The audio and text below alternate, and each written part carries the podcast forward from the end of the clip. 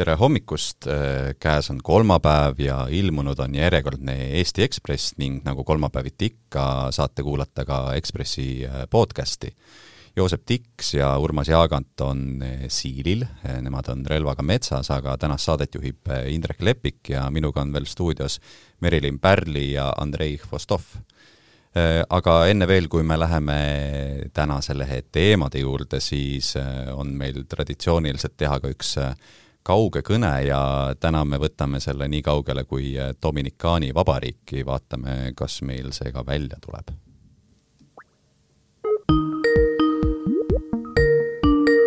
tere, Grete, kas sa kuuled meid? tere, tere, kuulen hästi. tere! no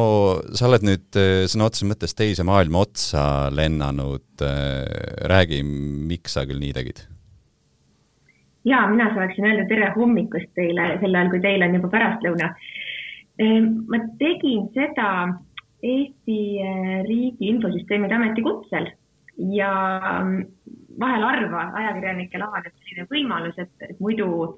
on meil ju ähm, noh, reisid Brüsselisse näiteks või, või saad minna äh, koolitusele Rootsi. aga, aga kukkus äh,, ütleks kukkus sülle pakkumine sõita siis Kariibi saartele vaatama, mismoodi eestlased, eestlaste eestvedamisel siia ehitatakse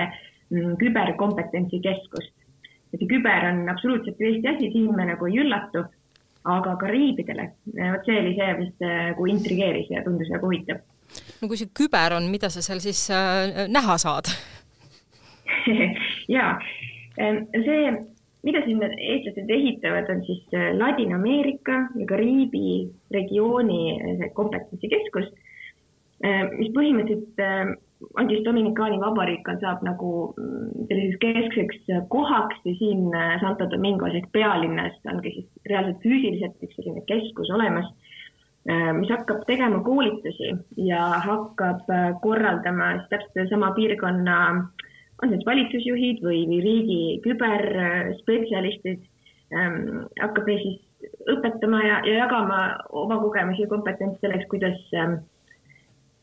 küberkuritegevuse vastu võidelda või, või ennast kaitsta ähm,. ja siin siis nüüd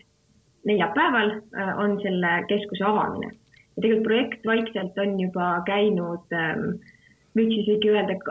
pikas plaanis juba paar aastat, aga, aga siia Dominikaanist natukene vähem. Ja ega ta veel ära ka ei lõppe, et vähemalt järgmise aastani siis siin eestlased seda vahet veel sõidavad. No sul on vist kõige südamelähedasem ikkagi see teema, et, et see Dominikaani vabariik ja, ja sinna teisele poole jääv Haiti on ikkagi eh, väga tugevasti meie kliimamuutusest mõjutatud ja ei ole vist nagu liialdus öelda, et vähemasti sajandi või paari ulatuses ähvardab teatav kõrgem laine need saared sealt Kariibidelt minema uhtuda, et, et kuidas, kuidas nagu kohapealsed seda poolt vaatavad või, või kuidas sina sellele teemale seal lähened? see oli tõesti üks, üks valdkondadest, mis ma mõtlesin, et, et kui nii kaugele on võimalus tulla, siis, siis võiks laiemalt Eesti lugejate, vaatajate, kuulajateni teemasid tuua. ja, ja võib-olla kõlab nagu pateetiliselt võib-olla või sihuke klišeena, aga tõesti, see on ju meil üks planeet, et ähm, tõsi, ega see Kiviõli tuhamägi nagu siin koralli otseselt ei tapa, aga kõik on seotud. ja noh, näiteks korallide suremus on üks probleem ähm,, mis siis mõjutab, on ju mere elustikku, aga reaalselt noh, eksistentsiaalsed küsimused on tõesti ookeani veetaseme tõus siin saartel aga ka mainisid Haitit ja seal on ju poliitiliselt ülikeeruline olukord. Ähm, tekkinud on gängide vahelised sõjad praktiliselt, äh, valitsus ei suuda ennast absoluutselt kehtestada, pluss noh, ähm, nüüd juba kümme pluss aastat tagasi toimunud looduskatastroofi orkaani tõttu ei ole tegelikult need inimesed siiani jalgele saanud. Ehk siis, ähm, kui meil äh, üheksakümnendatel ja võib-olla praegu toimus nagu metsaraiet ja röövraiet on ju, siis siin raiutakse näiteks mangroove. ja mangroovid on need siis need juurikud, mis vee sees kasvavad, sellised äh, puud. Äh, ja need kaitsevad tegelikult neid samu saari veetaseme eest või kui on tormid, siis, siis nad võtavad nagu osa löögist enda peale, et see on üks probleem, aga samamoodi torme on järjest rohkem ja kui nad saartest üle niimoodi puhuvad ennast, ähm, siis saab kahjustada ka magemisi. et ookean siin ümber on ju tulisoolane. nii et probleem pikas perspektiivis on ka nagu mageda veega, aga, aga Dominikaanis on tore see, et viimasel paari aastal on selline edumeelne valitsus üks näit-, noh, kindlasti ka see, et nad ongi küberteemadele tähelepanu pööramas ja, ja püüavad siin siis eelneva valitsuse korruptiivseid otsuseid kuidagi ümber pöörata ja panevad ministreid siin järgemööda vangi, eelmisi ministreid. ja, ja ka samamoodi see looduskaitse on neil nüüd siis viimastel aastatel pead tõstmas. kui palju need, kui palju need kohalikud kogukonnad äh, tajuvad seda äh, kliimamuutuste haprust, seda, kuivõrd see just neid hakkab mõjutama, et äh, kas nad on siis keskmisest teadlikumad ka? no ma kardan, et, et ei ole veel et noh, kogu, kui sa mõtled nagu riigi peale, et riik või noh, üks pool on eks ju riik, kes veab eest mingeid selliseid algatusi, teised on MTÜ-d, et siin MTÜ-sid tegutseb küll selliseid rahvusvahelisi, noh näiteks äh, Mm, ja, ja riigiga koostöös on, et istutatakse, kasvatatakse korallide lasteaias uusi pisikeseid koralle, minnakse istutatakse neid riskide peale. Äh, ja, ja riik näiteks nüüd hakkas siis äh, korraldama paremat prügimajandust ja kogu seda jäätme sorteerimist. et tasahilju siin hakatakse ikkagi nagu liikuma nende asjade poole, aga noh, kui minna nendest randadest, mis on turistide jaoks puhastatud ja ilusaks tehtud väljapoole, siis kahjuks siin ikkagi äh, loksub vastu seda pealinna mereranda või, või sellist äh, barjääri äh, üks paks prügikiht. et ma kardan, et samamoodi teeääred on nagu küllalt ikkagi prügi täis, et, et ma arvan, et see näitab äh, noh, indikeerib inimeste sellist teadlikkust päris hästi, kahjuks. et teeme ära, äh, meeskonnal oleks siin ka täitsa palju tööd no me ei hoia sind äh, nüüd kauem kinni, eks kaugekõne me on kallis ka. Äh, jah, kaugekõne on tõepoolest kallis, et eks me siis järgmine nädal kuuleme täpsemalt, mida sa oled näinud ja kus sa oled käinud, aga jõudu tööle sinna teisele poole meie maakera. ja aitäh, nii et järgnevate nädalate jooksul Ekspressis niisugused troopilisemad teemad tulekul aitäh sulle! väga hea. nii, Gretega saime me räägitud, aga välismaast me siiski veel ei pääse, küll räägime eh, lähivälismaast, kui Venemaa kontekstis eh, seda mõistet just kasutada võib nüüd on meil ka stuudios Andrei Hvostov ja Andrei, sa kirjutad tänases lehes eelkõige sellest, et me ei peaks olema nii üllatunud, et Vene armee nii äpud on räägi, miks see põhjus on, miks me ei peaks olema üllatunud? no tegelikult me, me oleme targaks saanud siin niimoodi tasapisi, et ikkagi kolm kuud on nüüd sõda kestnud ja, ja veebruari lõpus, kui, kui sõda algas, siis kuidagi need kartused ja ootused olid hoopis teistsugused Vene armee võimekust endale ette kujutades või niimoodi seda koledat pilti seinale maalides. Nüüd on selgunud, et see Vene armee võimekus on noh, üks selline suur mull, mis on lõhkenud ja aga ütleme, selline analüütiline, lääne analüütiline mõistus, mille esindajaks ma ka vist olen, et ta ei jää nüüd siinkohal seisma, vaid ta hakkab nüüd arutlema, et aga, aga miks ikkagi Vene armee on osutunud nii nõrgaks, et mis need põhjused on. ja ma olengi siis proovinud oma tekstis anda mingi seletuse sellele no sa ütled seda, et eh, kui Vene ühiskond ise nii mäda on, et siis ei maksa ka uskuda, et, et see armee peaks kuidagi parem olema, et kas me oleme lasknud ennast kuidagi lollitada viimased aastakümned sellega, et me näeme Venemaa, eks ole, õhtustes uudistes mingit uut ägedat relva, eh, Putin veel mingi kihutava kõne peab sinna juurde ja siis me kujutamegi ette, et see ongi siis nii-öelda ameeriklaste järel number kaks armee või, või kus, kus meie mõtlemine nagu kokku jooksis? Jah, aga ma laiendaksin seda probleemi ikkagi niimoodi tublisti-tublisti, et see ei ole mitte ainult äh, probleem selles siin, et äh, Vene armee ning Vene ühiskonna seoseid ei märgata, vaid tegelikult neid seoseid üldse ei märgata. et mul on, mul on hästi eredalt meeles üheksakümnendatel veel need vaidlused, et mis on Eesti Kaitseväe seisund Eesti ühiskonnas, siis seal nii, nii, niinimetatud laigulised, nad igal võimalikul rõ juhul rõhutasid, et et kaitsevägi või sõjavägi ei sõdi, sõdib kogu ühiskond. et kui me nüüd sellest mõttest edasi läheme, siis absoluutselt kõikide riikide armeed, nad peegeldavad seda ühiskonda, kust nad on välja kasvanud. Nad on võtnud selle ühiskonna mingisugused põhiväärtused või, või vead omaenda ridadesse ja siis selle armee toimimismehhanismis annavad need ühiskonna, ütleme niimoodi, defektid või eripärad või siis eelised, paremused annavad kohe tunda. ja kui me hakkame analüüsima ühe või teise armee sellist võimalikku käitumist või tema võimekust midagi korda saata, siis me peame vaatama, et milline on see ühiskond, kust see armee tuleb. ja, ja selle põhjal võib ennustada nii ühte kui teist. ja ma täitsa, täitsa siin jah, tunnistan, tunnistan seda pattu, et ma langesin kuidagi samuti selle Vene propaganda lõksu, ma hakkasin tõesti mingi hetk uskuma, et, et Vene armee võib olla märksa parem märksa võimekam,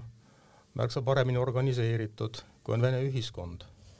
aga noh, ega ma ei ole ainus, kes selle, selle lõksu läks, et siin on paljud, paljud lääne, lääne analüütikud ootasid Vene armeelt hoopis, hoopis teistsugust sooritust nii-öelda, kui see tegelikult nüüd juhtus sa oma artiklis äh, tood ka välja selle ajaloolise ütluse, et äh, Venemaa häda on taandatav kahele faktorile, lollid ja teed. no see on venelaste endi ütlus, see on sünd, sündinud ilmselt kunagi üheksateistkümnenda sajandi teisel poolel, täpselt autorluste teate on omistatud Nikolai Gogolile, aga seal on veel terve, terve rida teisi võimalikke vene kirjanikke või mõtlejaid. no ma arvan, et see ei ole nii originaalne idee, et selle peale oleks pidanud või oleks saanud ainult üks inimene tulla, aga jah, kui me räägime lollidest ja teedest, mis on siis sellised traditsioonilised Venemaa hädad, siis seda hakates nüüd natuke lahti dešifreerima, siis. Lollide all peetakse silmas ilmselt ametnikkonda või üldse inimesi, kes on äh, nendel, nendel positsioonidel, kus langetatakse otsuseid, nad ei pruugi neid otsuseid langetada kompetentselt ega adekvaatselt, no tegelikult kogu üheksateistkümnenda sajandi vene kirjandus on täis neid vene ametnikkonna kirjeldusi. et noh, et lollid, loll, lollid nagu ruulivad, vabandust ja mis teedesse puutub, siis siin on peetud silmas lihtsalt ütleme kogu siis Vene infrastruktuuri ja ka, ka logistikat. et noh, et see on kehva ja sellel kõigel on teatud, teatud tagajärjed tagajärgedeks on kangelassurmad. vot jah, mulle, mulle ka väga see kangelaste teema lahtimõtestamine meeldis, et, et tegelikult anda ikkagi mõista ja ma arvan, et lõppkokkuvõttes on see taandatav kas või ajakirjandust, noh, ütleme meie toimetustessegi, et, et tegelikult äh, masinavärk, mis töötab hästi, ei vaja kangelasi ja isegi vastupidi, et kangelased äh, üldiselt nagu rikuvad selle masinavärgi sellist äh, nagu sisse õlitatud tööd. et ja ma seal oma, oma selles tekstis ma noh, nagu toon selle välja, et, et äh, ütleme, moodne läänelik armee ja tegelikult ma siin toon juba, juba mingid paralleelid antiikse, antiikse Rooma sõjamasinaga, et ta on niimoodi üles ehitatud, et seal mingi selline individuaalne kangelaslikkus ei ole üldse eesmärk omaette ja, ja ta isegi, isegi, isegi seda ei soosita muuseas Eesti Kaitseväe õppustel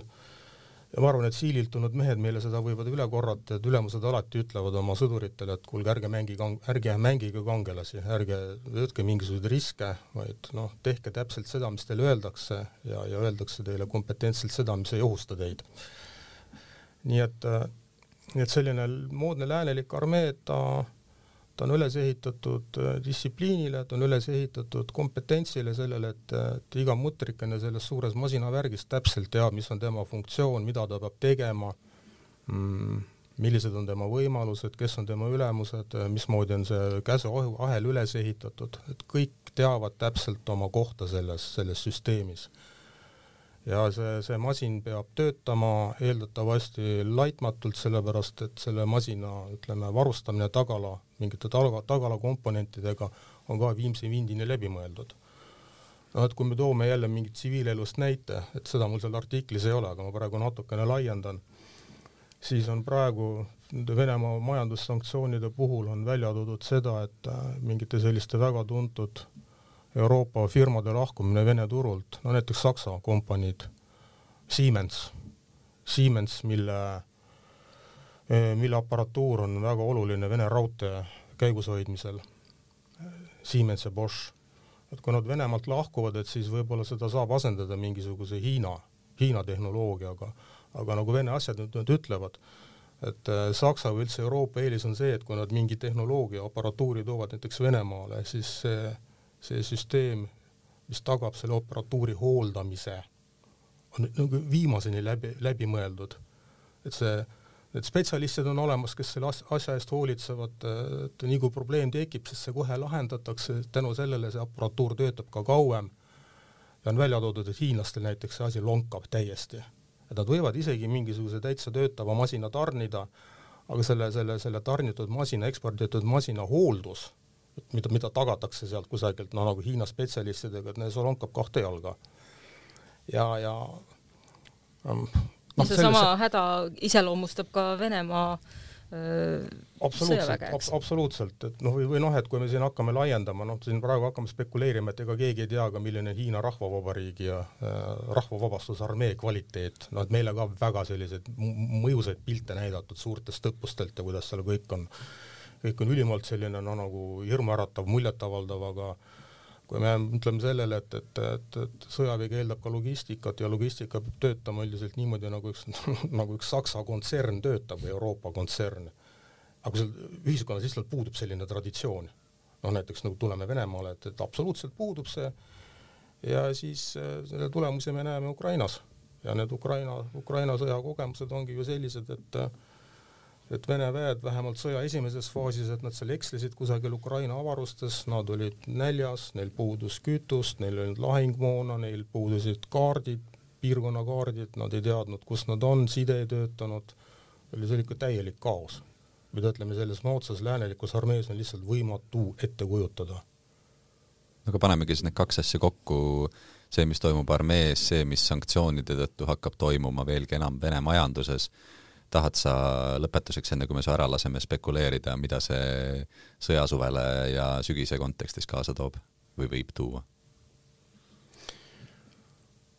nüüd eeldusel, tegelikult siin oleks seal nii palju tundmatuid, et hästi-hästi riskantne on ennustada, aga eeldusel, et, et, et Putin ei hakka kasutama massihävitusrelva, et ei too mingisuguseid selliseid, selliseid elemente nüüd sellesse, sellesse, sellesse võrrandisse.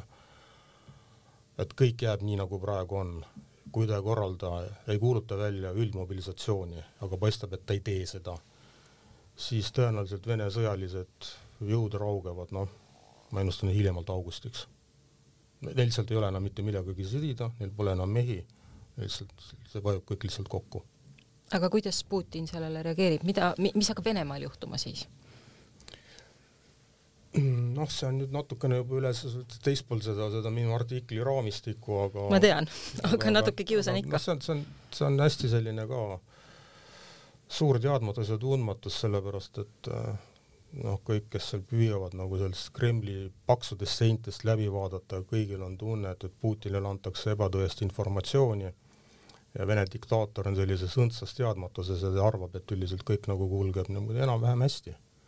ta ei tea tegelikult, et äh, kui halvasti need asjad. ja see on sellise, sellise oletuse kasuks räägib see, et, et et tema, tema, tema alluvad nii, nii sõjalises kui, kui, kui tsiviilliinis, et nad ei julge talle öelda kogu tõtt, sellepärast et see, kes selle tõe välja ütleb, et ta peab hakkama ka põhjendama, et miks see niimoodi on, või ta osutab nagu süüdi olevaks.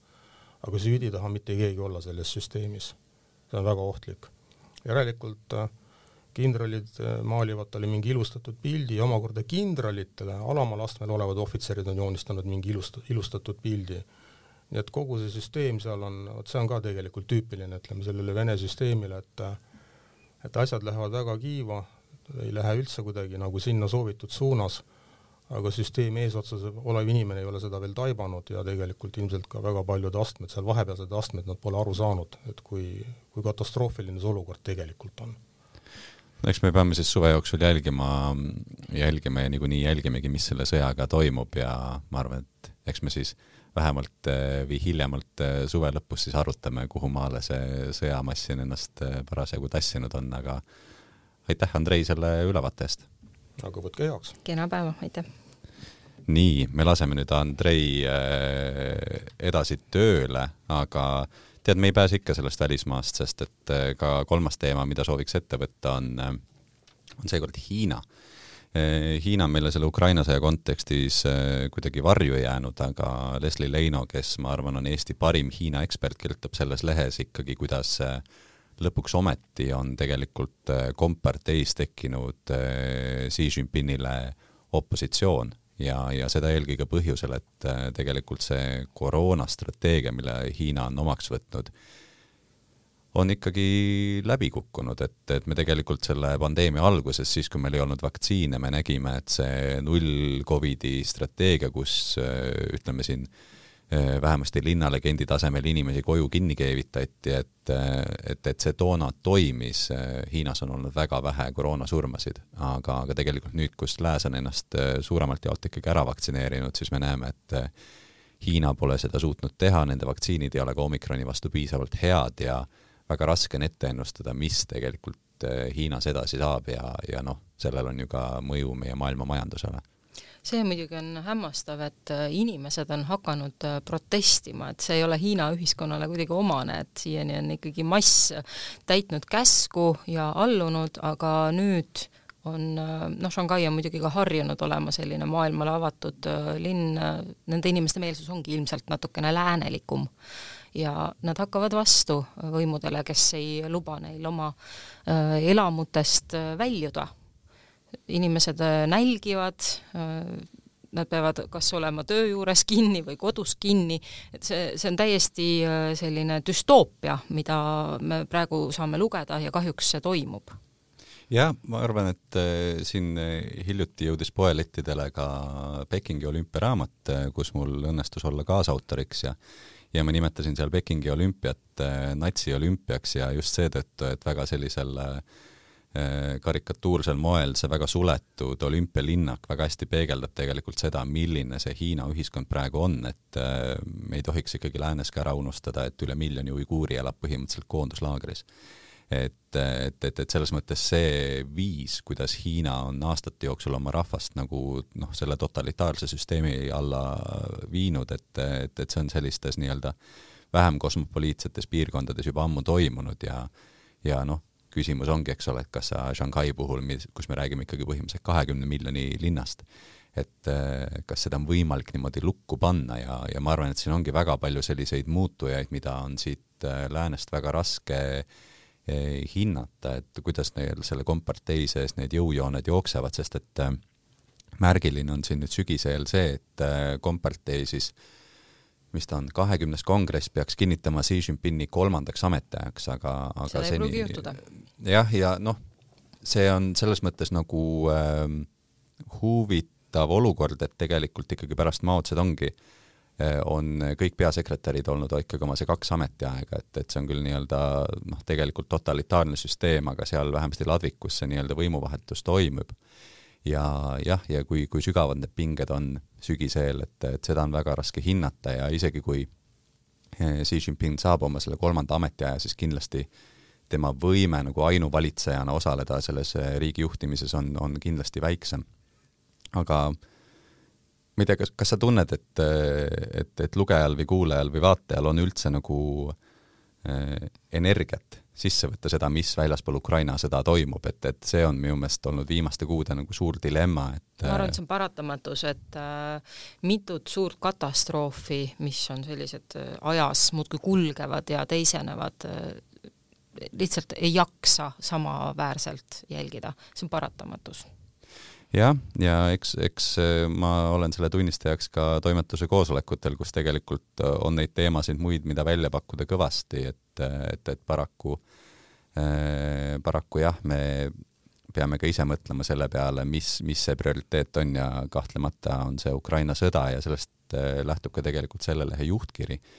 et et me oleme sellise teatava lõhkise küna ees, et Euroopa Liidu sanktsioone hoiab tagasi Ungari, NATO-s torpedeerib Soome ja Rootsi vastuvõtmist Türgi ja vähemasti mina juhtkirjas argumenteerin, et et, et kui meie sõbrad on mölakad, siis tuleb lihtsalt sellega ajutiselt leppida, sest et me peame Orbani ja Erdogani üle elama. ja eks siin ongi see suur, suur nagu paradoks, et veel sellest Hiinatki rääkides, et, et, et kui me võtame nii-öelda nüüd niisugust suurt eh, kolme jõudu, Venemaa, Hiina ja, ja ütleme, Lääs, et siis jällegi selles kontekstis on jälle Hiina meile nagu väiksemat sorti liitlane, et, et jube, jube raske on nagu see, kui sa pead